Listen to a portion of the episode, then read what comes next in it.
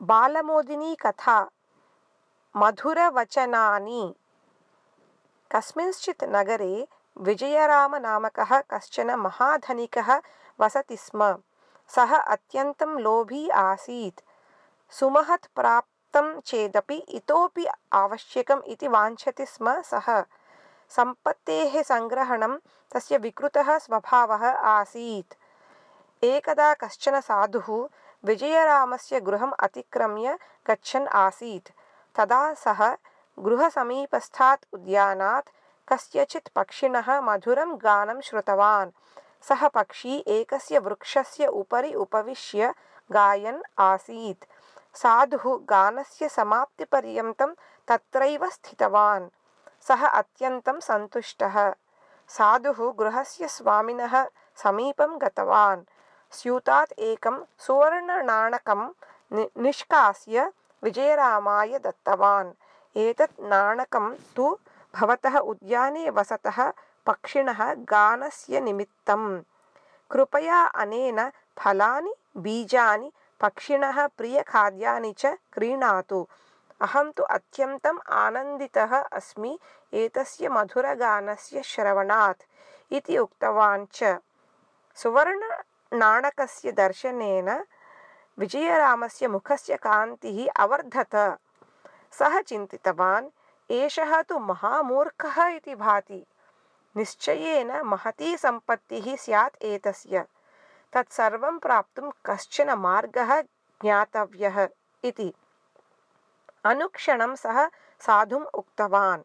एतत् सर्वथा मम पक्षिणः गानश्रवणाय अहं शतं सुवर्णनाणकानि विदधामि। अतः अवशिष्टं ददातु इदानीम्। इति। एवं।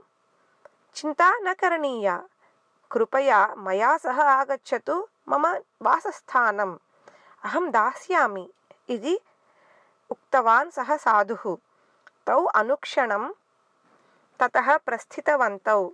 अद्य मया विना परिश्रमं प्रभूतं धनं प्राप्यते इति चिन्तयन् सः लोभी नितरां सन्तुष्टः।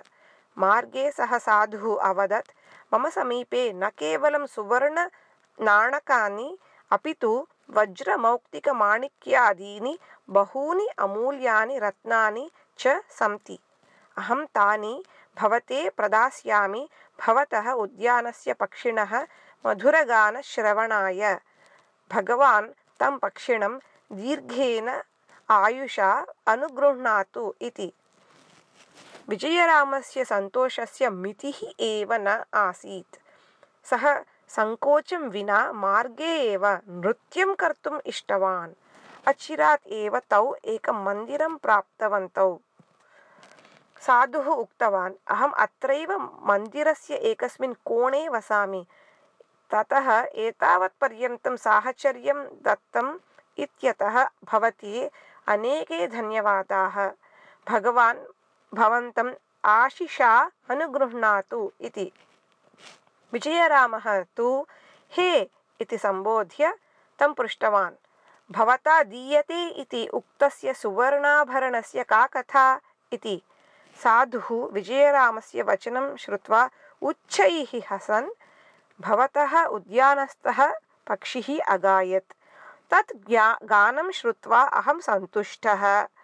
आगमनमार्गे मया भवतः प्रियाणि, मधुराणि, वचनानि उक्तानि। तेषां श्रवणात् भवान् अपि सन्तुष्टः। मया सन्तोषः प्राप्तः पुनः भवते दत्तः च। इतः परं मया किं वा दातव्यं? दातव्यं तु किमपि न अवशिष्टम् इति उक्त्वा मन्दिरस्य अन्तः गतवान्। एतेन विजयरामः समीचीनं पाठं पठितवान्। शिरः अवनमय्य त, सः ततः गृहं प्रति गतवान्।